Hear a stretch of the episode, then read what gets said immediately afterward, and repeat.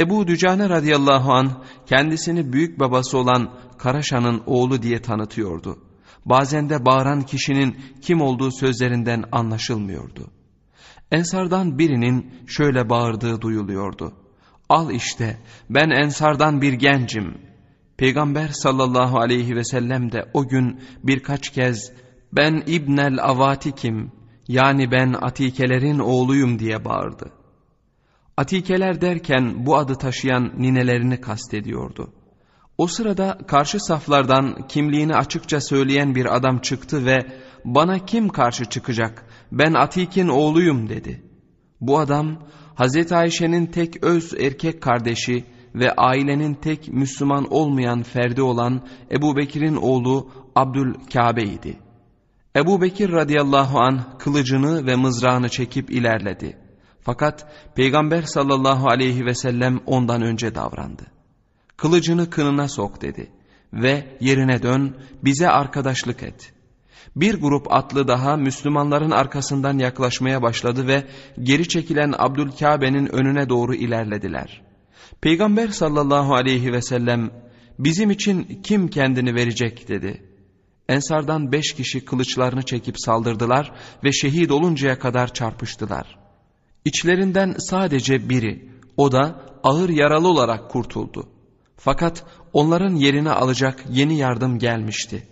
Ali radıyallahu an, Zübeyir radıyallahu an, Talha radıyallahu an ve Ebu Dücane radıyallahu an ön saflardan ordu ile birlikte geri çekilmişlerdi. Onlar Peygamber sallallahu aleyhi ve sellemin yanına ulaşmadan önce düşman tarafından atılan bir taşla Peygamber aleyhissalatu vesselamın alt dudağı yırtılmış ve dişlerinden biri kırılmıştı. Birdenbire yüzünü kan kapladı. Fakat o elinden geldiğince acısını göstermeyerek Ali ve diğerlerini iyi olduğu konusunda teskin etti. Kan kaybından zayıf düşen, bayılan Talha dışında hepsi düşmanın üstüne tekrar yöneldiler. Peygamber sallallahu aleyhi ve sellem Ebu Bekir radıyallahu anha kuzenine bak dedi. Fakat Talha hemen kendine geldi. Onun yerine ileriki saflara Saatlı Zühre ve Hazreçli Haris İbni Simme katılmıştı. Bu yeni grupla desteklenen Ali ve arkadaşları düşmana öyle ölüm saçtılar ki müşriklerin geri çekilmesiyle birlikte şehit olan beş ensarın cesedi de açığa çıktı. Peygamber sallallahu aleyhi ve sellem onu getirmek için iki adam gönderdi ayağını yastık gibi adamın başına koydu ve adam ölünceye dek ayağını hareketsizce orada tuttu. Peygamber sallallahu aleyhi ve sellem şöyle dedi. Bilin ki cennet kılıçların gölgeleri altındadır. Daha sonraki yıllarda da o günün ne kadar muhteşem ve hayır dolu bir gün olduğunu hatırlar ve şöyle derdi. Keşke o dağın eteklerinde arkadaşlarımla birlikte öylece kalsaydım. Müşrikler yavaş yavaş kaybettiği alanları tekrar kazanmaya başlamıştı. Peygamber sallallahu aleyhi ve sellemin çevresindeki grubun okları bitmek üzereydi. Kısa bir süre sonra herkes kılıç ve mızraklarını çıkarıp yakın dövüş yapmak zorunda kalacaktı. Hem de bir Müslümana dört kafir düşüyordu. O sırada aniden yan tarafta bir atlı belirdi ve Peygamber sallallahu aleyhi ve sellemin bulunduğu gruba doğru ilerledi. Muhammed sallallahu aleyhi ve sellem nerede diye bağırdı. O yaşadıkça ben yaşayamam. Bu adam zaten Müslümanlara büyük kayıplar verdirmiş olan Mekke'nin dışındaki Kureyşlilerden İbni Kamia idi. Gruba hızla bir göz atarak hedefini hemen fark etti.'' atını mahmuzlayıp hiçbir miğferin dayanamayacağı güçlü bir kılıç darbesi indirdi. Fakat Talha hemen Peygamber sallallahu aleyhi ve sellemin yanındaydı ve kılıcı görür görmez kendini Peygamber aleyhissalatü vesselamın önüne attı. Hayatı boyunca kullanamayacağı bir elin parmaklarını kaybederek başka bir yara almaksızın darbeden kurtulmuştu. Darbe hemen Peygamber aleyhissalatü vesselamın başının yanından geçmiş, miğferine çarpıp iki demir parçasının Peygamber aleyhissalatü vesselamın yüzüne saplanmasına neden olmuştu. Omuzundan geçerken de iki kat zırhını parçalamıştı.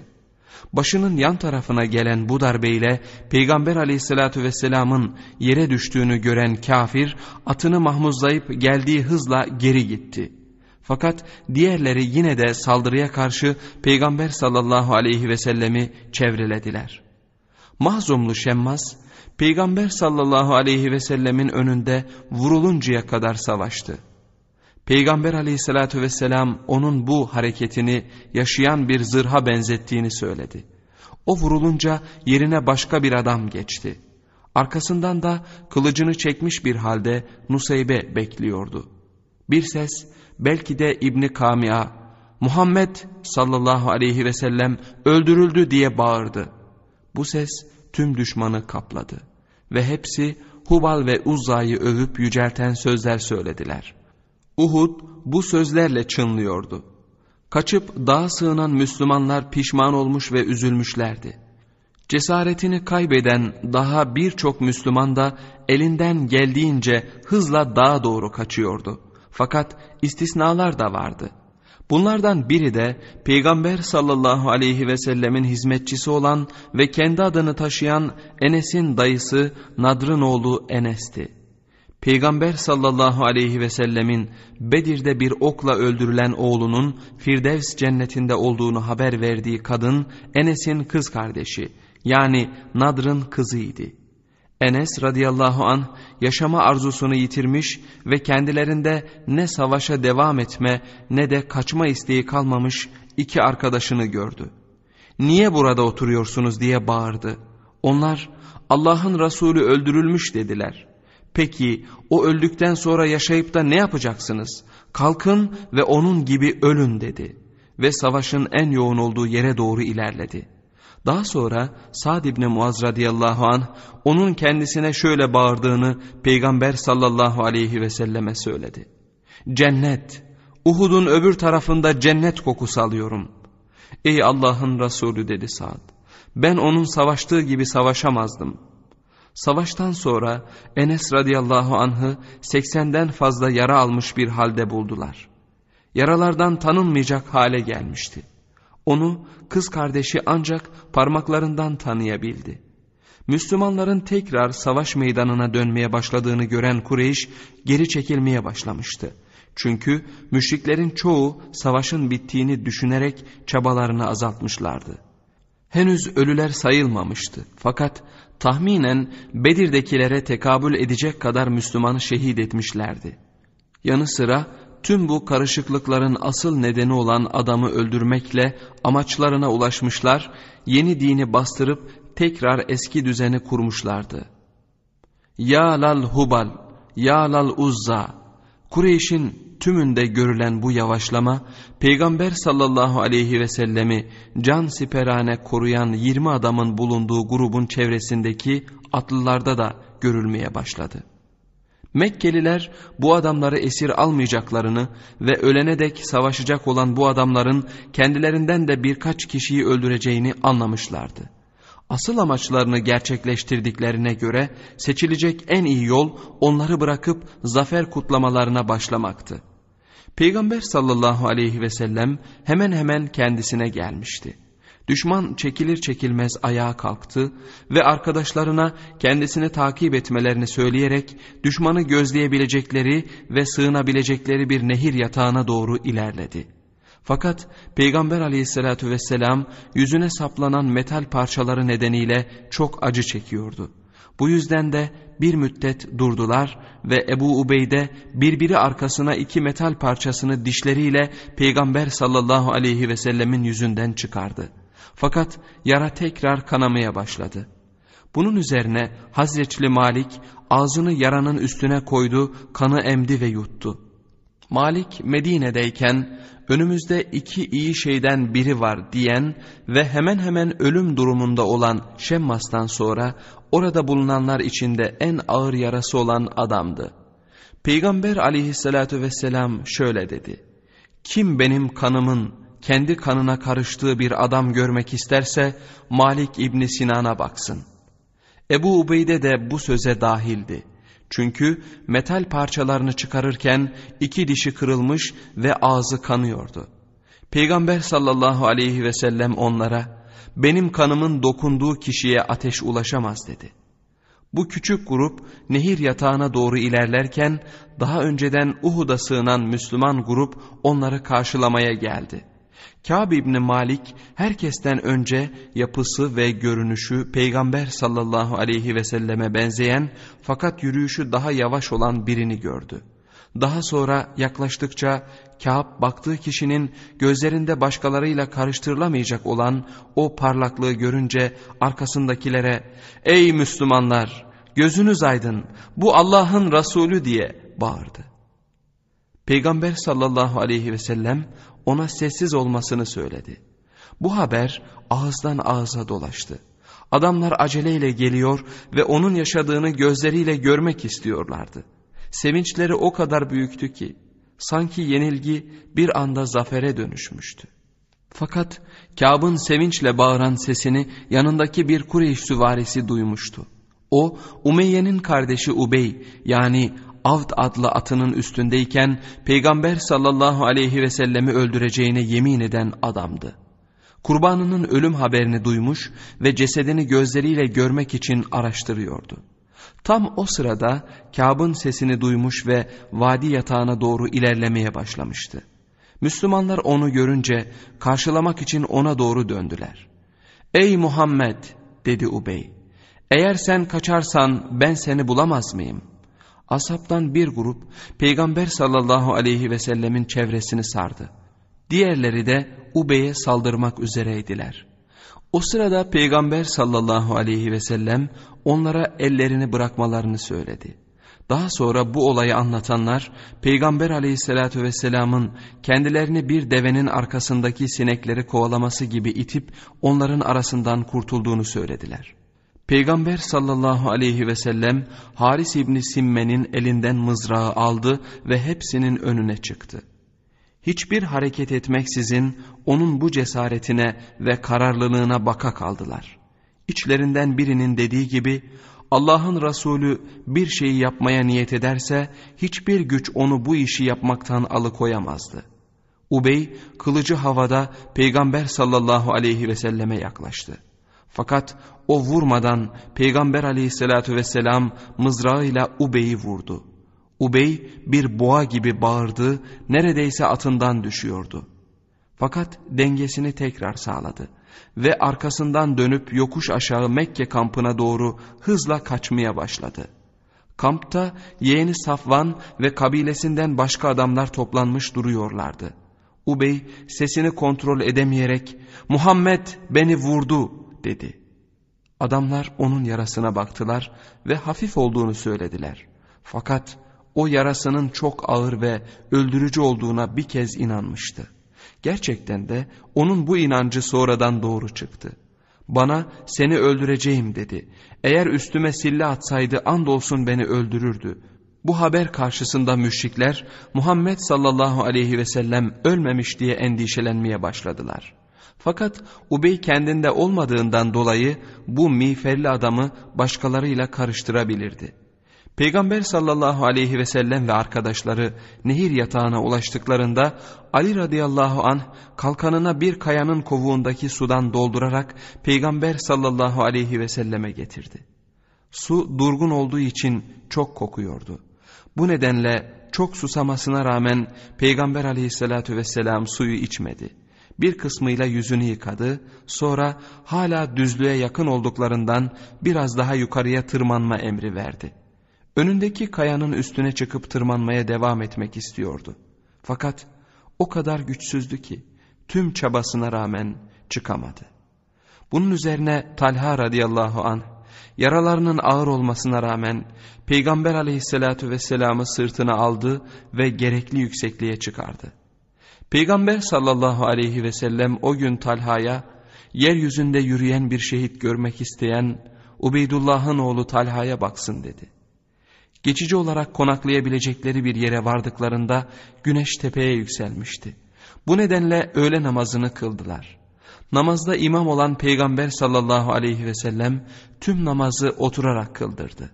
Diğerleri de ona uyarak aynı şekilde kıldılar.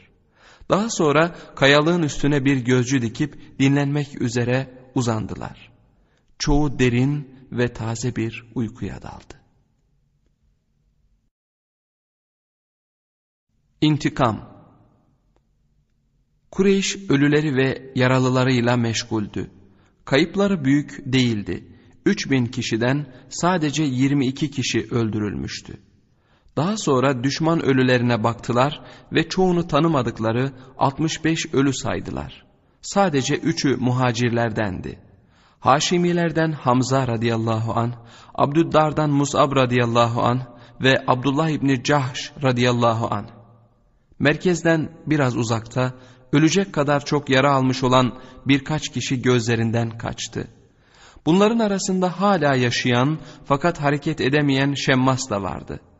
Boş yere Muhammed sallallahu aleyhi ve sellemin cesedini aradılar. O sırada Vahşi savaş meydanına tekrar gelmiş ve Hamza radıyallahu anh'ın karnını yarıp karaciğerini çıkarmıştı. Ciğeri Hind'e götürdü ve babanın katilini öldürmeme karşılık bana ne vereceksin dedi. Hint, ganimetlerden bana düşen payın tümünü dedi. Vahşi ciğeri göstererek, bu Hamza'nın ciğeri dedi. Hint ciğeri aldı ve bir parça ısırdı, çiğneyip yuttu. Yeminini yerine getirdiği için diğer kısmını attı. Onun cesedini bana göster dedi Hint. Birlikte cesedin yanına gittiler. Hint Hamza radıyallahu anh'ın kulaklarını, burnunu ve yüzünün diğer kısımlarını kesti. Sonra onun halhal, bilezik ve kolye türünden kıymetli eşyalarını çıkarıp vahşiye verdi. Diğer kadınları da diğer ölülere böyle yapmaları için teşvik etti. Kadınların hepsi Müslümanların vücutlarından kestikleri organlardan kendilerine takılar yaptılar. Hint de bir kayanın üstüne oturup zafer şarkısı söyledi.'' Kureyş'ten bir iki kişi daha cesetleri keserek intikam hislerini doyuruyorlardı.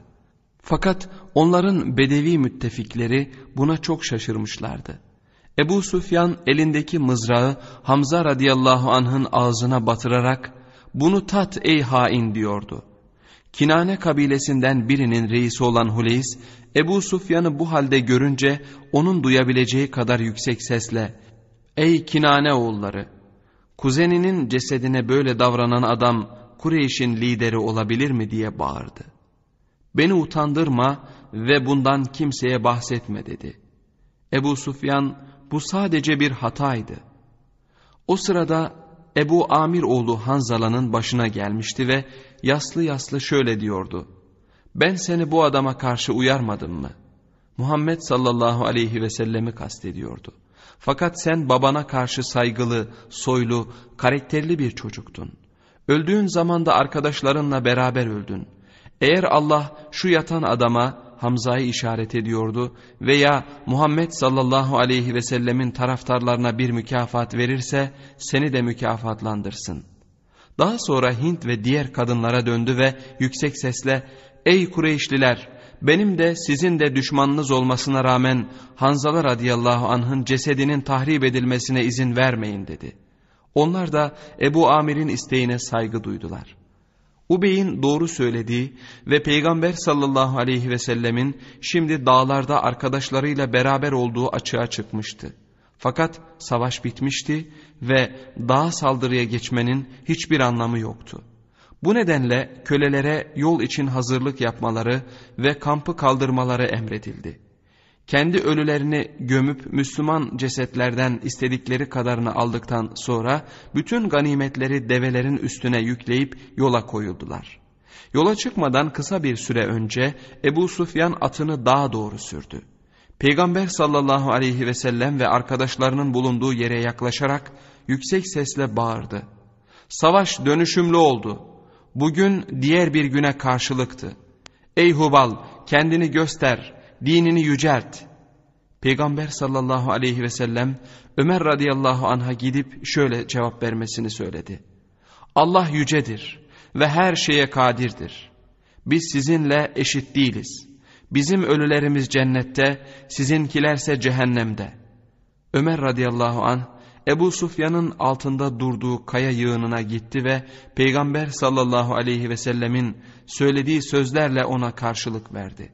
Bunun üzerine Ömer'in sesini tanıyan Ebu Sufyan, ''Ey Ömer ne olur söyle Muhammed sallallahu aleyhi ve sellemi öldürdük mü?'' dedi. Ömer radıyallahu an Allah'a andolsun ki hayır. Bilakis şimdi o senin söylediklerini dinliyor dedi. Ebu Sufyan da senin sözünün İbni Kamiya'nınkinden daha doğru olduğuna inanıyorum dedi. Ve gitmek üzere geri döndü. Fakat tekrar arkasını dönüp şunları ekledi. Ölülerinizin bazılarına da zarar verildi. Allah'a andolsun ben bundan hoşnut olmadım. Ne izin verdim ne de emir verdim. Gelecek yıl Bedir'de buluşmak üzere. Bunları duyan Peygamber sallallahu aleyhi ve sellem arkadaşlarından birini daha oraya gönderdi. Bu sahabe de şöyle bağırdı.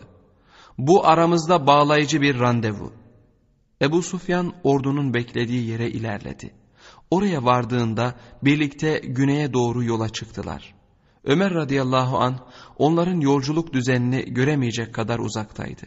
Bu yüzden Peygamber sallallahu aleyhi ve sellem Zühreli Sad'ı aşağıya onları gözlemek üzere gönderdi. Eğer develerine binmişler ve atlarını yanlarında yediyorlarsa Mekke'ye gidiyorlar dedi. Fakat eğer atlarına binip develerini yanlarında yediyorlarsa Medine'ye gidiyorlar. Nefsim elimde olana yemin ederim ki eğer niyetleri bu ise onların önüne geçip onlarla savaşacağım. Saat aşağıya Uhud'a geldiklerinden beri Peygamber sallallahu aleyhi ve sellemin atı Sekbin bağlı olduğu yere gitti. Ata binip Mekkelileri açıkça görünceye dek o yöne doğru gitti. İyi haberi vermek için aceleyle geri döndü. Çünkü adamlar develerine binmişlerdi. Halit'le birlikte atlıların manevrasında rol alanlardan biri olan Amr ileriki yıllarda şöyle derdi. Biz İbni Ubey'in ordunun üçte biriyle birlikte Medine'ye döndüğünü ve bazı hazreçlilerle Evslilerin şehirde kaldıklarını biliyorduk. Gidenlerin geri gelip tekrar saldırmaları muhtemeldi. Çoğumuz yaralıydı. Hemen hemen atlarımızın hepsi de ok yarası almıştı. Bu nedenle kendi yolumuza devam ettik. Şehitlerin gömülmesi Peygamber sallallahu aleyhi ve sellem arkadaşlarına düzlüğe inmelerini emretti. Haris İbni Simme radıyallahu anh önden Hamza radıyallahu anh'ın cesedini bulmak üzere savaş alanına gönderilmişti. Fakat Haris gördüğü manzara karşısında çok şaşırmış ve Peygamber sallallahu aleyhi ve selleme ne diyeceğini bilemediği için geri dönmekte gecikmişti. Bunun üzerine Hazreti Ali'yi onun arkasından gönderdiler. Ali radıyallahu an Haris'i parçalanmış cesedin başında beklerken buldu. Birlikte geri döndüler. Peygamber sallallahu aleyhi ve sellem kafirlerin ne yaptığını duyunca şimdiye kadar hiç böyle sinirlenmemiştim. Gelecek sefer eğer Allah bana Kureyşlilere karşı zafer verirse onlardan otuz cesede aynı şeyi yapacağım dedi. Fakat bundan kısa bir süre sonra şu ayetler indi. Eğer ceza verecekseniz size ceza verilenin misliyle ceza verin. Ve eğer sabrederseniz andolsun bu sabredenler için daha hayırlıdır. Bunun üzerine Peygamber sallallahu aleyhi ve sellem biraz önce ettiği yeminden geri dönmekle kalmayıp cesetlere zarar verilmesini de yasakladı. Yanı sıra savaş sırasında insanın en kutsal bölümü olan yüzüne dikkat edilmesini istedi. Bir darbe indireceğiniz zaman bunun yüze gelmemesine dikkat edin. Çünkü Allah Adem'i kendi suretinden yaratmıştır. Abdullah İbni Cahş da Hamza radıyallahu anh'ın biraz ötesinde öldürülmüş ve cesedi tahrip edilmişti. Peygamber sallallahu aleyhi ve sellem başka ölüleri aramak için yüzünü onlardan çevirdiğinde değişik bir manzarayla karşılaştı. Kendi akrabalarından olan Abdullah ve Hamza'nın biraz ötesinde Hanzala'nın cesedi vardı. Kureyş'in ne kadınları ne de erkekleri ona dokunmamışlardı.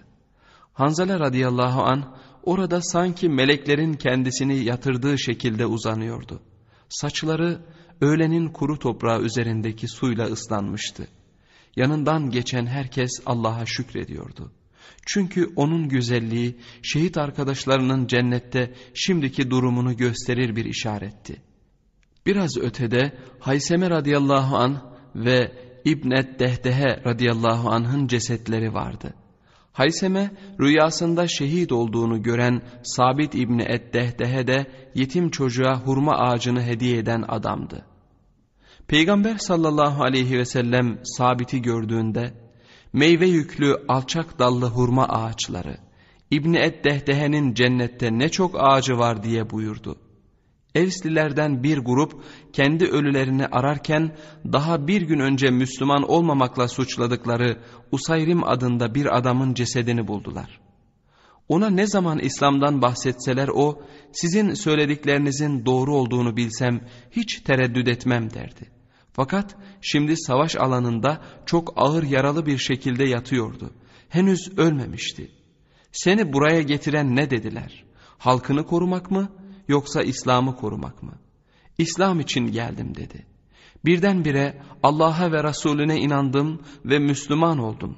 Ondan sonra da kılıcımı alıp bu sabah erkenden Allah'ın Resulü ile beraber olmak için buraya geldim. Beni yere düşüren bir darbe yiyinceye kadar da savaştım. Daha fazla konuşamadı. Evisli grup onun başında ölünceye dek beklediler.'' Daha sonra Peygamber sallallahu aleyhi ve selleme Usayrim'den bahsettiler. O da Usayrim'in cennetliklerden olduğunu söyledi. Sonraki yıllarda Usayrim beş vakit namazdan birini bile kılmadan cennete giren adam olarak tanınırdı. Şehitler arasında bir de yabancıya rastladılar. İlk başta yabancı olduğunu sanmışlardı. Fakat içlerinden biri onun Salebe kavminin Yahudi alimlerinden Muhayrik olduğunu anladı. Daha sonradan öğrendiklerine göre Muhayrik o sabah erkenden halkını toplamış ve Peygamber sallallahu aleyhi ve selleme verdikleri sözü tutarak putperestlere karşı onun yanında olmaları gerektiğini söylemişti. Onlar bunu sebbat anlamına geldiğini söyleyince o sebbata inanmayın demişti. Daha sonra öldürülürse Muhammed sallallahu aleyhi ve sellemin kendisinin varisi olduğunu duyurmuştu. Eğer bugün öldürülürsem tüm mallarım onları Allah'ın gösterdiği şekilde harcayacak olan Muhammed sallallahu aleyhi ve sellemindir. Daha sonra kılıcını ve diğer silahlarını alıp Uhud'a doğru yola çıkmış ve orada öldürülünceye kadar savaşmıştı. Bundan sonra Medine'ye dağıtılan sadakaların çoğu Peygamber sallallahu aleyhi ve selleme muhayrikten miras kalan hurma bahçelerinden kaynaklanıyordu. Peygamber sallallahu aleyhi ve sellem muhayrik için Yahudilerin en iyisi demişti. Mekkelilerin evlerine döndükleri anlaşılır anlaşılmaz Medineliler rahat bir nefes aldılar ve kadınlar öğleden beri kulaklarına gelen söylentilerin doğru olup olmadığını anlayıp ölülerini görmek üzere şehrin dışına çıkmaya başladılar. İlk gelen kadınlar arasında Ayşe radıyallahu anha, Ümmü Eymen ve Safiye radıyallahu anhuma vardı. Peygamber sallallahu aleyhi ve sellem Safiye'yi görünce çok üzüldü ve Zübeyre annene yardım et ve Hamza'nın mezarının hemen kazılmasını sağla. Git anneni götür kardeşine olanları görmesin dedi. Bunun üzerine Zübeyir Safiye'ye gitti ve anne Allah'ın Resulü sana geri dönmeni emrediyor dedi. Fakat Safiye zaten haberleri önceden öğrenmişti. Niçin gidecekmişim dedi. Kardeşimin başına gelenleri duydum. Fakat bu Allah içindi. Allah'tan gelene razıyım. İnşallah sabredeceğime söz veriyorum. Zübeyir peygamber sallallahu aleyhi ve selleme döndü. O da Safiye'nin gelmesine izin verdi. Bunun üzerine Safiye kardeşinin cesedinin yanına geldi ve şu ayeti okudu. Biz Allah'a ait kullarız ve şüphesiz ona dönücüleriz. Bunu duyunca hepsi birden sonra indirilen ayetleri hatırladılar ve rahatladılar. Ey iman edenler! Sabırla ve namazla yardım dileyin. Gerçekten Allah sabredenlerle beraberdir. Ve sakın Allah yolunda öldürülenlere ölüler demeyin. Tersine onlar diridirler. Fakat siz bunun şuurunda değilsiniz. Andolsun biz sizi bir parça korku, açlık ve bir parça mallardan, canlardan ve ürünlerden eksiltmekle imtihan edeceğiz. Sabır gösterenleri müjdele. Onlara bir musibet isabet ettiğinde derler ki, biz Allah'a ait kullarız ve şüphesiz ona dönücüleriz. Rabbinden olan bir salat, bağışlanma ve rahmet bunların üzerinedir. ve hidayete erenler de bunlardır. Safiye daha sonra kız kardeşi Umeyme'nin oğlu Abdullah İbni Cahş radıyallahu anh'ın cesedi başında dua etti. Fatıma radıyallahu anha da ona katıldı. İki kadın birlikte ağladılar. Peygamber sallallahu aleyhi ve sellem de onlarla birlikte ağlayarak rahatladı. Daha sonra Fatıma babasının yaralarını sardı. Kuzenleri Hamne'ye kocası Mus'ab radıyallahu anh'ın erkek kardeşi Abdullah'ın ve amcasının ölüm haberini vererek üzüldüler. Savaşın ilerlediği bir anda Peygamber sallallahu aleyhi ve sellem hala sancağı elinde taşıyan Mus'ab'ı görmüş ve ona seslenmişti. Fakat adam ben Musab değilim diye cevap vermiş. Peygamber sallallahu aleyhi ve sellem de onun Musab'ın yerine sancağı taşıyan bir melek olduğunu anlamıştı. Peygamber sallallahu aleyhi ve sellem genç adamın cenazesi başında durdu ve şu ayeti okudu. Müminlerden öyle erkek adamlar vardır ki üzerinde Allah ile yaptıkları ahide sadakat gösterdiler. Böylece onlardan kimi adağını gerçekleştirdi, şehit olup sözünü yerine getirdi. Kimi de beklemektedir. Onlar hiçbir değiştirmeyle sözlerini değiştirmediler. Peygamber sallallahu aleyhi ve sellem bütün ölülerin Hamza'nın cenazesinin yanına getirilmesini ve mezarların kazılmasını emretti. Hamza radıyallahu anh bir örtüye sarılmıştı. Peygamber sallallahu aleyhi ve sellem onun için cenaze namazı kıldı. Bunun ardı sıra diğer cenazeler için de toplam 72 cenaze namazı kıldı. Bir mezar kazılır kazılmaz iki veya üç cenaze bir mezara gömülüyordu. Hamza radıyallahu anh ve yeğeni Abdullah aynı mezara yan yana gömüldüler. Peygamber sallallahu aleyhi ve sellem gömülme işlemi boyunca her mezarın başında bulundu. Cemuh'un oğlu Amr ile Amr'ın oğlu Abdullah'ı bulun dedi.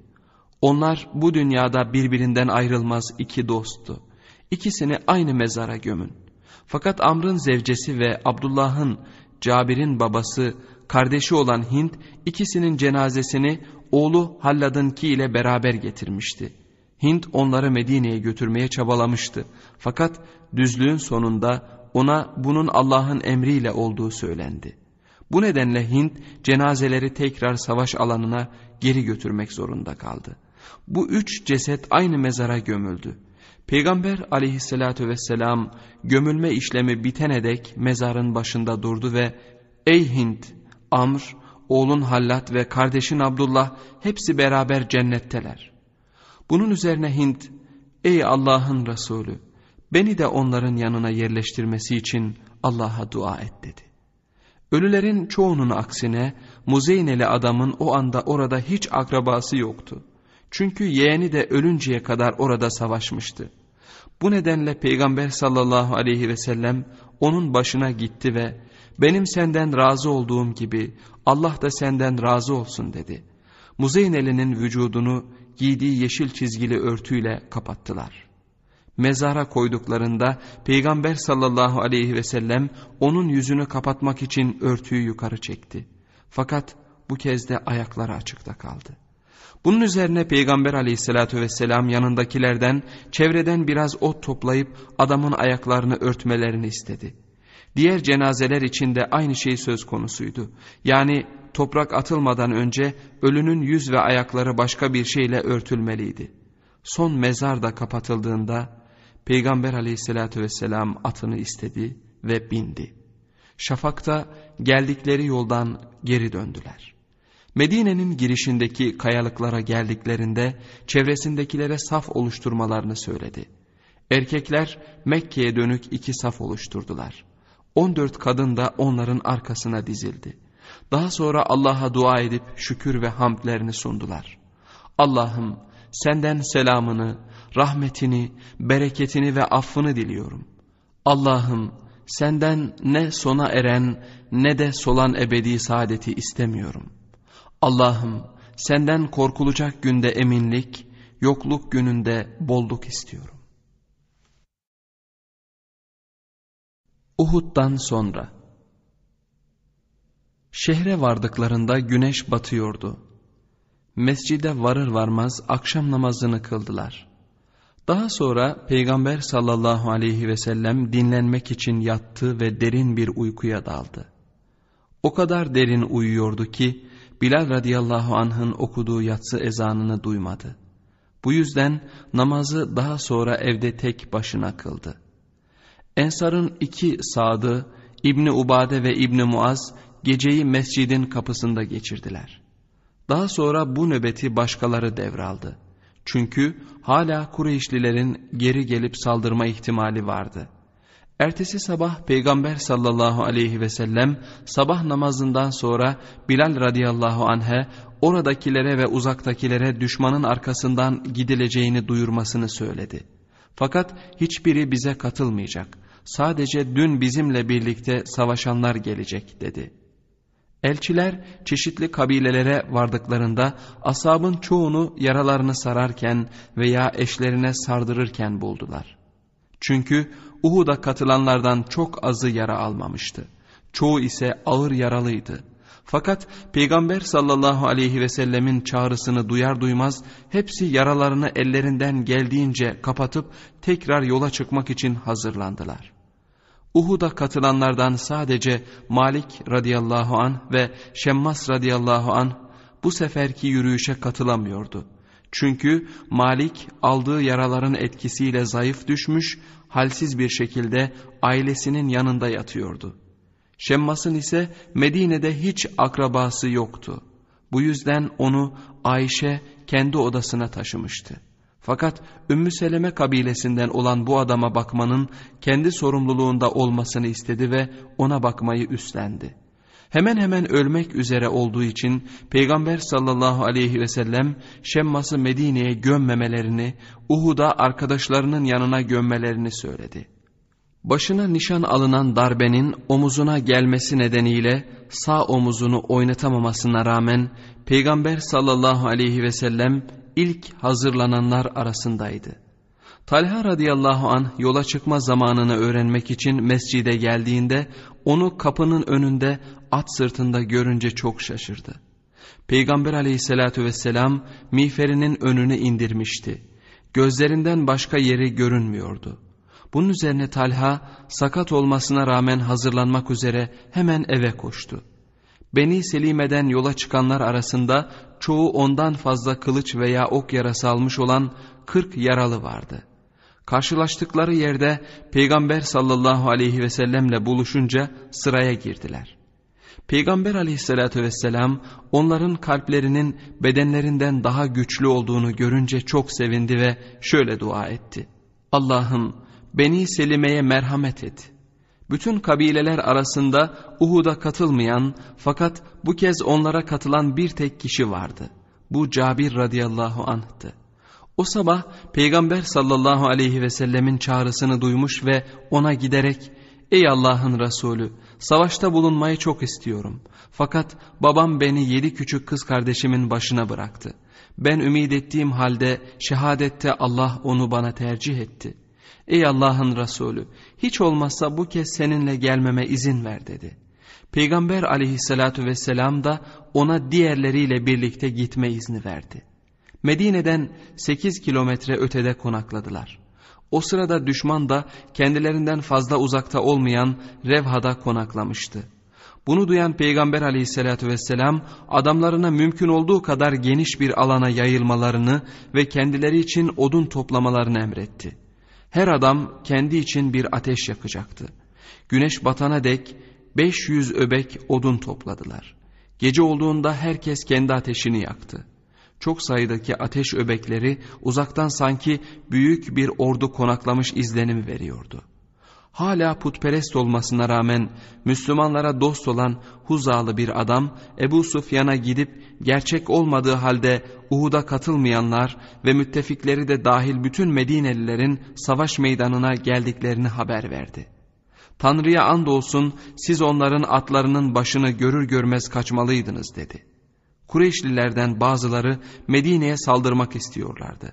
Fakat şimdi hepsi en hızlı şekilde Mekke'ye dönme kararı almışlardı.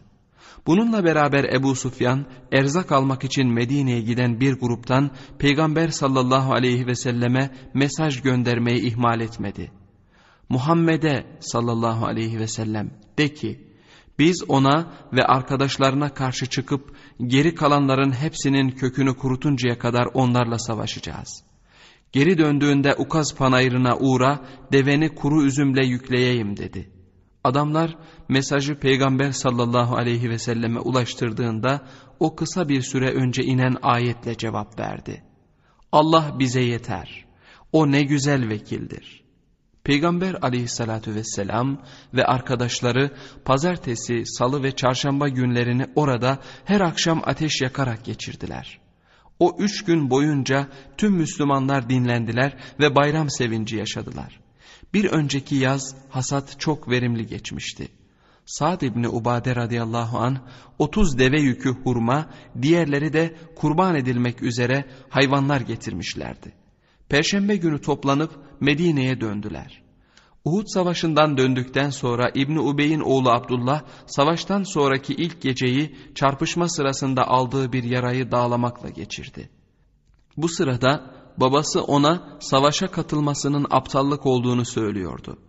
Tanrı'ya andolsun sonuç tam benim tahmin ettiğim gibi oldu dedi. Oğlu Allah'ın Resulü ve Müslümanlar için yaptığım şey hayırlıydı dedi. Fakat İbn Ubey tartışmaya açık değildi. Eğer öldürülenler bizle geri dönmüş olsalardı öldürülmezlerdi diye iddia etti. Oğlu diğer Müslümanlarla birlikte savaştayken o Medine'de boş durmamıştı. Yahudiler ise daha önce göstermedikleri derecede şiddetli bir kesinlikle şöyle diyorlardı. Muhammed sallallahu aleyhi ve sellem sadece krallık peşinde koşuyor. Hiçbir peygamber böyle bir sonla karşılaşmamıştır. Hem kendisine hem de arkadaşlarına büyük darbeler vurulmuş. Yahudilerin ve münafıkların söylediklerinin çoğu Uhud'a yakın bir yerde ateşler yakarak yapılan gösterişten sonra şehre dönen Ömer radıyallahu anh'ın kulağına gitmişti. Hazreti Ömer bunları duyunca hemen Peygamber sallallahu aleyhi ve selleme gitti ve bundan sorumlu olan kişileri öldürmek için ondan izin istedi. Fakat Peygamber sallallahu aleyhi ve sellem buna izin vermedi. Allah dinini yüceltecek ve peygamberine güç verecek dedi. Ey Hattab'ın oğlu! Gerçekten Kureyş bize bir daha aynı günü yaşatamayacak ve gidip köşeyi selamlayabileceğiz. Mekke'ye girip Hacerül Esved'i öpeceklerini kastediyordu. Hazreti Ömer'in ellerinin bağlı olmasına rağmen İbni Ubey cezasız kalmadı. O mescitte cuma namazları için kendine şerefli bir konum edinmişti. Onun Medine'deki konumunu herkes bildiği için buna kimse karşı çıkmıyordu. Peygamber sallallahu aleyhi ve sellem minbere hutbe ve vaaz için çıktığında İbni Ubey kalkar ve şöyle derdi. Ey insanlar! Bu Allah'ın Resulüdür. Dilerim Allah onun sayesinde bize merhamet eder. O halde ona yardım edin. Onu onurlandırın. Onu dinleyin ve ona itaat edin.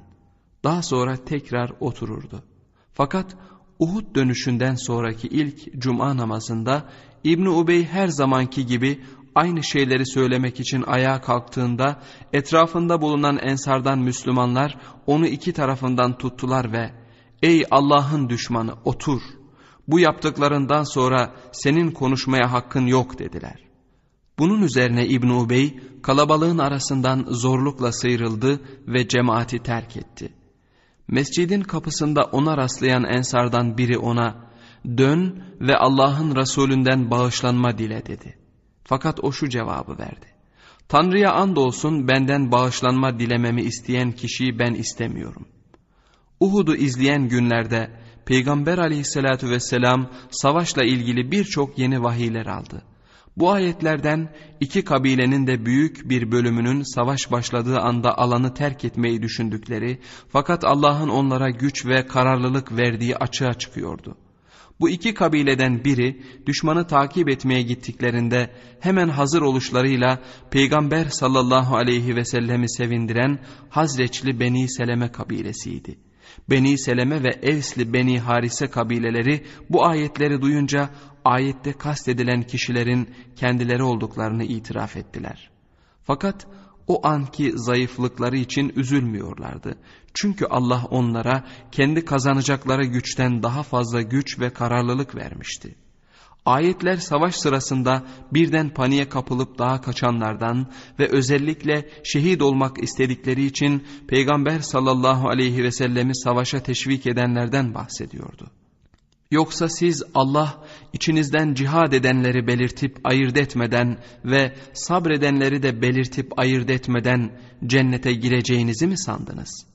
Andolsun siz onunla karşılaşmadan önce ölümü temenni ediyordunuz.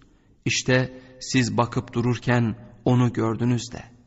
Fakat vahiy savaş alanında emirlere uymayan kişilerin cezalarını orada ödedikleri ve affedildiklerini de belirtiyordu. Ödedikleri cezanın veya kefaretin bir kısmı Peygamber sallallahu aleyhi ve sellemin ölüm haberini duyduklarında çektikleri acı ve üzüntüdür. Eski medeniyetlerin harabe ve tarihlerine bakarak Arabistan'ın geleneklerinin de bir gün yok olacağı ve zaferin İslam'ın olacağı da anlaşılıyordu. Gerçek şu ki sizden önce nice sünnetler gelip geçmiştir. Bundan dolayı yeryüzünde gezip dolaşın da yalan sayanların uğradıkları sonuç nasıl oldu bir görün. Bu Kur'an insanlar için dolambaçsız bir açıklama, sakınanlar için de bir hidayet ve öğüttür. Gevşemeyin, üzülmeyin. Eğer inanmışlarsanız en üstün olan sizlersiniz. Bir de gelecekle ilgili bir olaya değiniliyordu. Muhammed sallallahu aleyhi ve sellem yalnızca bir peygamberdir. Ondan önce nice peygamberler gelip geçmiştir. Şimdi ölürse ya da öldürülürse siz topuklarınız üzerinde gerisin geriye mi döneceksiniz? İki topuğu üzerinde gerisin geri dönen kimse Allah'a kesinlikle zarar veremez. Allah şükredenleri pek yakında ödüllendirecektir.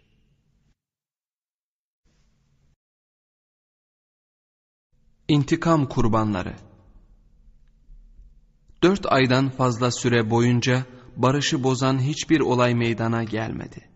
Fakat bu sürenin sonunda Beni Esed İbni Huzeyme'nin Medine'ye sefer düzenlediği haberi ulaştı.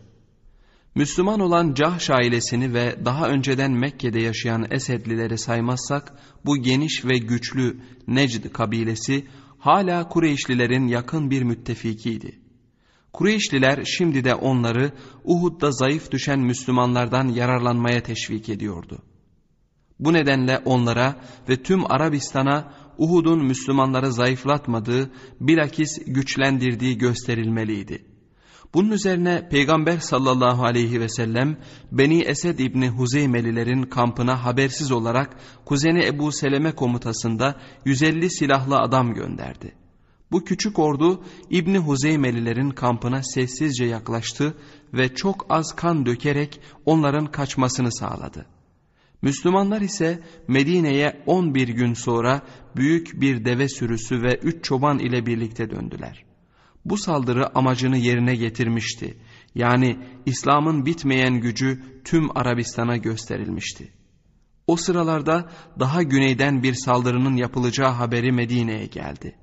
Fakat bu kez Peygamber sallallahu aleyhi ve sellem mucize göstererek İslam karşısındaki düşmanlığın Hudayl kabilesinin Lihyani kolunun başkanında toplandığını bildirmişti. Eğer bu adam ortadan kaldırılırsa o taraftan gelecek saldırı artık pek önemli olmazdı.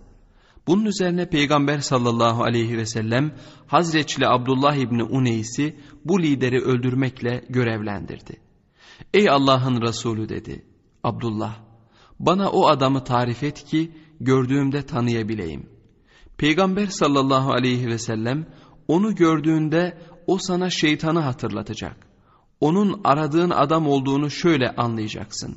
Onu gördüğünde titriyeceksin dedi. Abdullah radıyallahu an Peygamber sallallahu aleyhi ve sellemin söylediklerini aynen yaşadı ve onu öldürüp sağ salim geri döndü. Medine'ye karşı planlanan saldırıların hepsi şimdilik rafa kaldırılmıştı. Fakat öldürülen başkanlarının öcünü almak için Hudayl kabilesinden bir grup adam komşu köylere İslam'ı anlatmak için giden atlı Müslümanlara saldırdılar. Olay Mekke'nin yakınında Raci denilen sulak bir yerde meydana geldi. Peygamber sallallahu aleyhi ve sellemin adamlarından üçü dövüşerek şehit edildi, diğer üçü de esir alındı. Esir alınan üç kişiden biri kaçmak isteyince hemen öldürüldü. Çatışmada ölenlerden biri de Uhud'da Kureyş'in sancaktarlarından ikisini öldüren Evs kabilesinden Asım idi. Öldürülen adamların annesi Asım'ın kafatasından şarap içmeye yemin etmişti. Hudayırlı adamlar da onun kafatasını bu kadına satmayı planlıyorlardı. Fakat bir arı kovanı yüzünden gece olana dek Asım'ın cesedine yaklaşamadılar. Gece olunca da bir fırtına Asım'ın cesedini sürükleyip götürmüştü. Bu nedenle Kureyşli anne hiçbir zaman yeminini yerine getiremedi. Esir alınan Evsli Hubeyb ve Hazreçli Zeyd, Bedir'deki ölülerinin öcünü almak için her fırsatı kollayan Kureyşlilere satıldı. Hubeyb, Beni Nevfel'in müttefiklerinden birine satıldı ve Bedir'de öldürülen babasının öcünü alması için kabilenin bir üyesine verildi. Safvan da aynı amaçla Zeyd'i aldı ve iki adam haram aylar geçinceye kadar hapiste kaldılar. Safer ayının hilali görünür görünmez esirleri haram bölgeden çıkarıp Tan'ime götürdüler. İki adam birbirlerine hapsedildiklerinden beri ilk defa görüyorlardı. Orada birbirlerine sabır tavsiye ettiler. Daha sonra Beni Nevfel ve beraberindekiler Hubeyb'i biraz ileriye götürdüler. Hubeyb kendisini kazığa bağlayacaklarını anlayınca onlardan namaz kılmak için izin istedi. Daha sonra iki rekat namaz kıldı. Onun öldürülmeden önce namaz kılma geleneğini kuran ilk kişi olduğu söylenir. Daha sonra onu kazığa bağladılar ve İslam'dan dönersem seni serbest bırakacağız dediler. O şu cevabı verdi. İslam'dan döndüğümde yeryüzündeki her şeyi elde edeceğimi bilsem yine İslam'dan dönmem. Kendin evinde olup Muhammed sallallahu aleyhi ve sellemin senin yerinde olmasını istemez miydin dediler. Kendim evde oturmak için Muhammed sallallahu aleyhi ve sellemin ayağına bir diken parçası bile batmasını istemem diye cevap verdi. Dön Hubeyb dediler. Çünkü dininden dönmezsen seni öldüreceğiz. Allah için ölmem hiç de önemli değil dedi. Daha sonra şunları ekledi. Benim yüzümü kutsal yerden çevirmenize gelince, yüzünü Mekke'den başka tarafa çevirmişlerdi.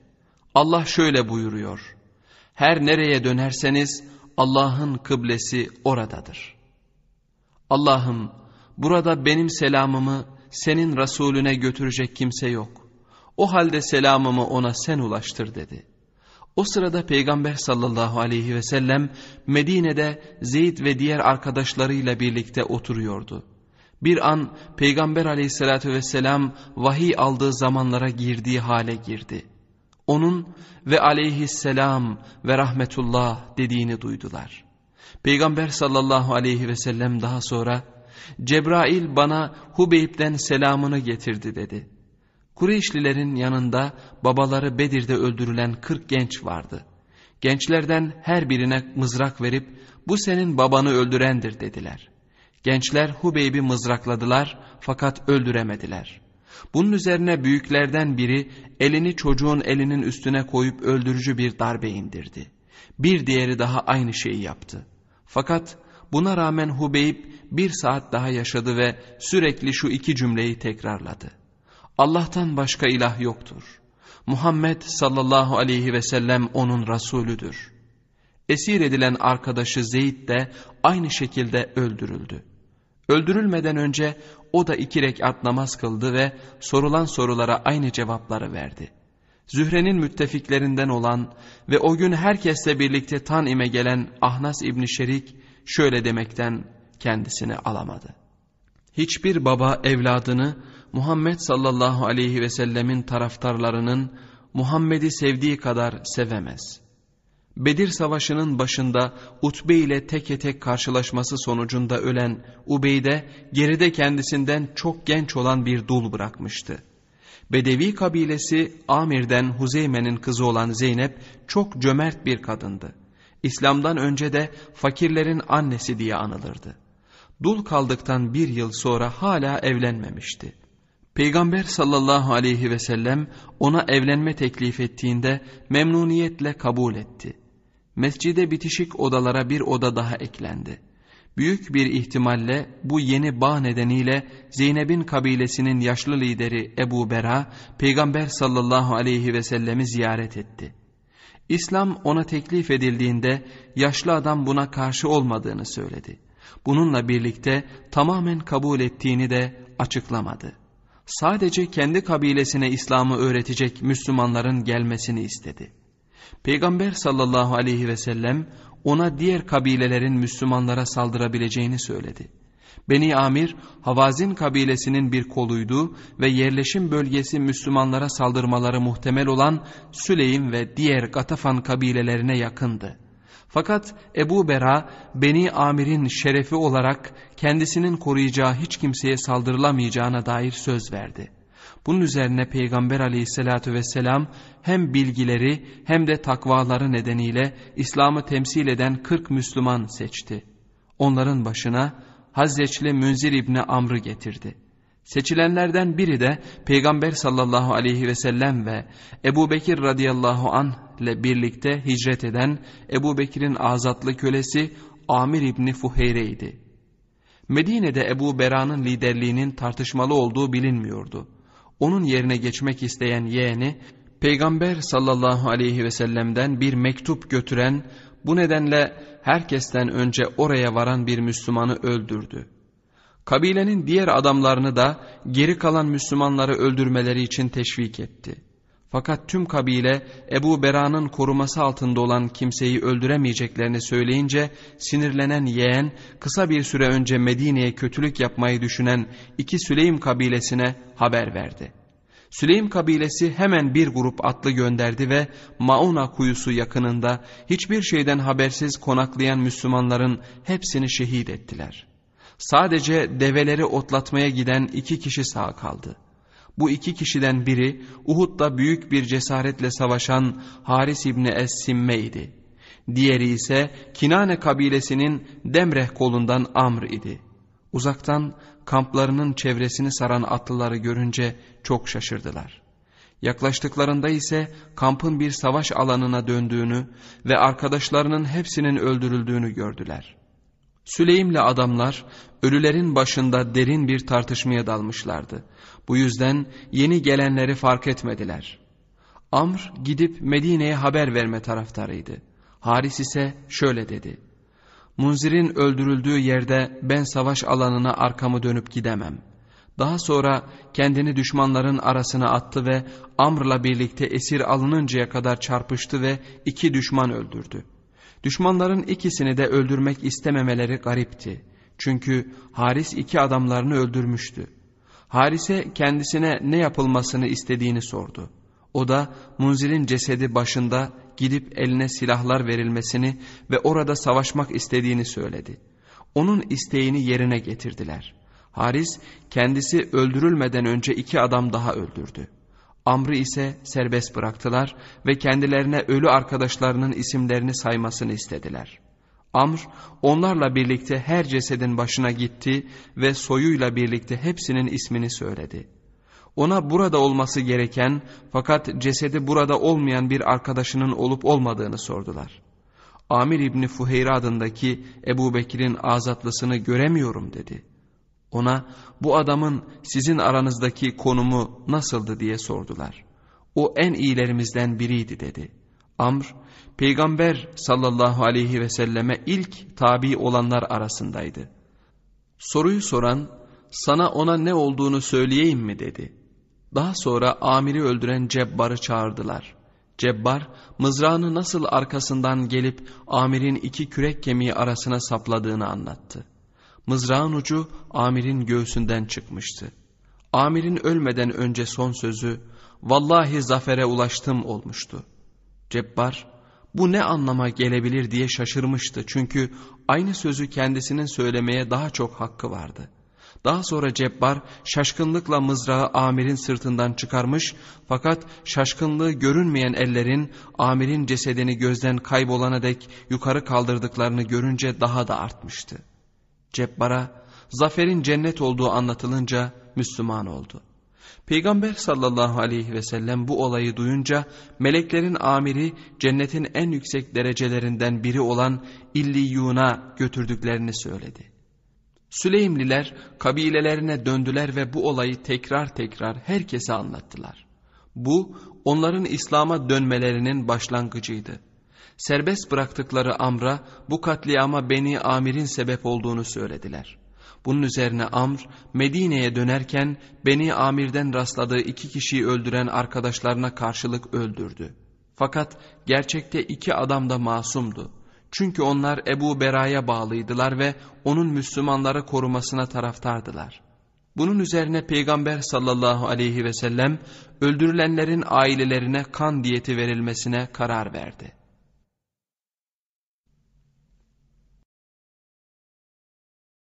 Beni Nadır Yahudi kabilelerinden Beni Nadır uzun süreden beri Beni Amir'in müttefikiydi.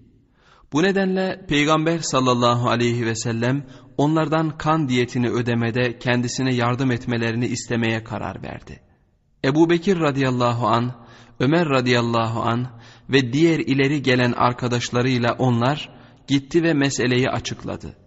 Yahudiler onun isteğini yerine getireceklerini söylediler ve ondan yemek hazırlayıncaya kadar kalmasını rica ettiler. Peygamber sallallahu aleyhi ve sellem onların ricalarını kabul etti. O sırada içlerinden görünüşte misafir için verilecek yemek hakkında emirler vermek üzere liderleri Huyay'ın da bulunduğu bir grup onlardan ayrıldı. Onlar kalenin önünde oturmuş beklerken diğerlerinin göremeyeceği şekilde Cebrail aleyhisselam geldi ve hemen Peygamber sallallahu aleyhi ve selleme Medine'ye dönmesi gerektiğini haber verdi. Bunun üzerine Peygamber aleyhissalatü vesselam ayağa kalktı ve bir tek kelime bile söylemeden topluluğu terk etti. Herkes onun kısa bir süre sonra geri döneceğini zannediyordu. Geri dönmeyince Ebu Bekir radıyallahu an diğer arkadaşlarına onun arkasından gitmeyi önerdi. Hep birlikte Yahudilerden ayrılıp Peygamber sallallahu aleyhi ve sellemin evine gittiler. Peygamber aleyhissalatü vesselam onlara olanları anlattı ve Muhammed İbni Mesleme'yi Beni Nadir'e ne söyleyeceğini bildirerek gönderdi. Muhammed İbni Mesleme radıyallahu an bütün hızıyla kabilenin olduğu yere gitti. Onu gören bazı liderler karşılamaya çıktılar. Onlara şöyle dedi. Allah'ın Resulü beni size gönderdi ve şunları söyledi.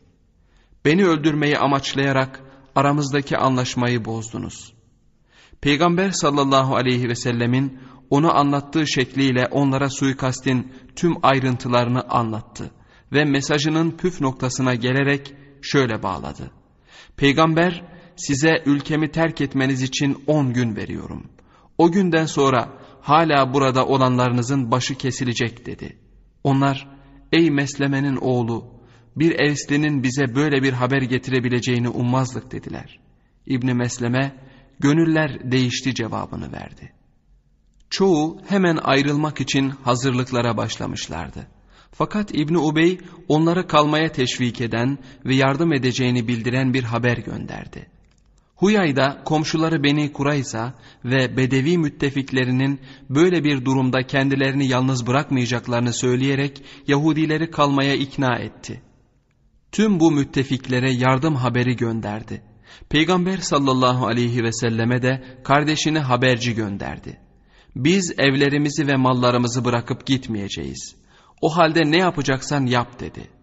Peygamber aleyhissalatü vesselam Allah büyüktür. Allahu Ekber dedi ve bu tekbir tüm arkadaşlarının ağzında tekrarlandı. Arkadaşlarına Yahudiler savaş ilan ediyor dedi. Bir ordu hazırlayarak şehrin güneyindeki Nadir yerleşim bölgesine doğru ilerlediler. Sancağı Ali radıyallahu an taşıyordu. İkindi namazını korunma bölgelerinin dışında olduğu için Yahudiler tarafından terk edilen geniş bir bahçede kıldılar. Namazdan sonra Peygamber sallallahu aleyhi ve sellem askerlerini kalelere doğru ilerletti. Surlar, okçular ve sapancılar tarafından korunuyordu. Bu askerlerin yanında okları bittiğinde ve sur duvarları saldırıya uğradığında kullanılmak üzere taşlar da vardı. İki ordu da hava kararıncaya kadar karşılıklı ok atışları yaptılar. Yahudiler karşısındakilerin saldırı hızı karşısında şaşkınlığa dönmüşlerdi. Fakat ertesi gün nasıl olsa Beni Kureyza'nın ve İbn Ubey'in yardımları ulaşır diye düşünüyorlardı. Birkaç gün sonra da müttefikleri Gatafan kabilesi imdada yetişirdi. O sırada Müslümanların ordusu Medine'de çeşitli sebepler yüzünden Peygamber sallallahu aleyhi ve sellem ile birlikte yola çıkamayan Müslümanların da orduya katılmasıyla gittikçe büyüyordu. Yatsı namazı vaktine kadar ordu düşmanı her taraftan sarabilecek derecede çoğalmıştı. Peygamber aleyhissalatü vesselam onlarla birlikte namaz kıldı ve Hazreti Ali'yi ordunun başına bırakarak on kişiyle birlikte Medine'ye döndü. Ordu sabah namazına kadar Allah'ı yücelten şiirler okudu. Peygamber sallallahu aleyhi ve sellem sabah namazında onlara katıldı. Günler geçiyor ve Beni Nadır beklediği yardımlar için ümidini yitiriyordu. Beni Kureyza peygamber sallallahu aleyhi ve sellem ile yaptığı anlaşmayı bozmak istememiş, Beni Gatafan sessiz kalmış, İbni Ubey de her zaman olduğu gibi bir şey yapamayacağını anlamıştı. Çok ümitli olan Beni Nadr'ın ümitleri gittikçe kayboluyor ve aralarındaki anlaşmazlıklar artıyordu. Kabile uzun zamandan beri süren anlaşmazlıklar ve düşmanlıklarla parçalanmıştı. Şimdi ise dış dünyadan tamamen kopmuş bir vaziyette hiçbir yardım alamıyordu. O güne yakın bir süre sonra Peygamber sallallahu aleyhi ve sellemin sur duvarlarının yakınındaki bir iki hurma ağacını kesmesiyle bu ümitsizliği ve çaresizliği daha fazla hissetmeye başladılar. Peygamber aleyhissalatü vesselam bu toprakların kendinin olacağını bildiği için bu ağaçları kurban olarak kestirmişti. Ağaçların kesilmesi ilahi bir emirle ona bildirilmişti. Bu emrin yerine getirilmesiyle düşmanın karşı koyma gücü tamamen yok oldu.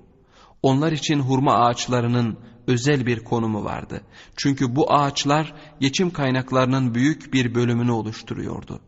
Şimdi topraklarından ayrılmaya zorlansalar bile o yerleri hala kendilerinin olarak düşüneceklerdi.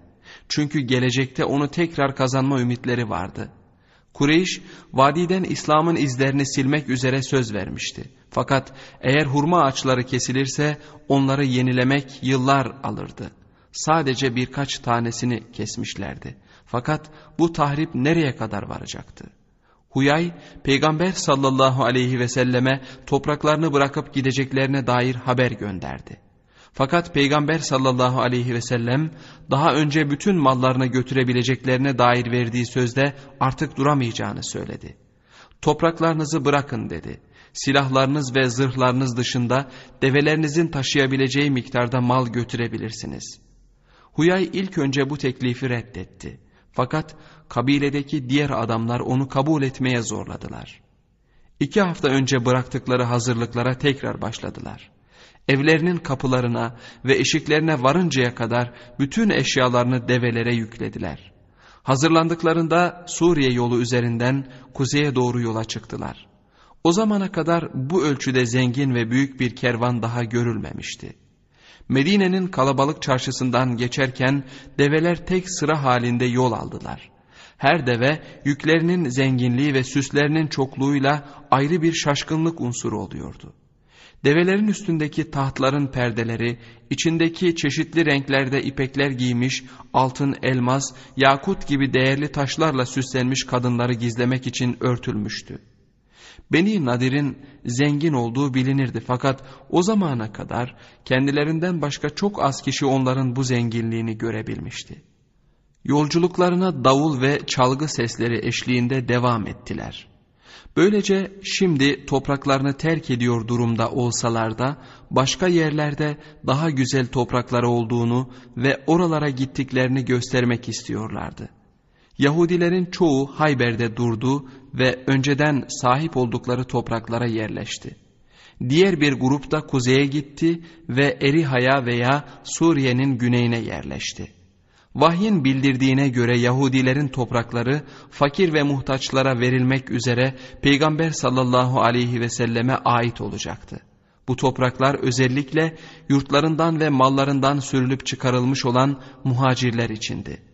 Fakirlikleri nedeniyle ensardan sadece iki kişiye toprak verildi. Fakat Peygamber sallallahu aleyhi ve sellem toprakların çoğunu muhacirlere vererek onları bağımsız kıldı ve ensarın üzerindeki bakım yükünü kaldırdı.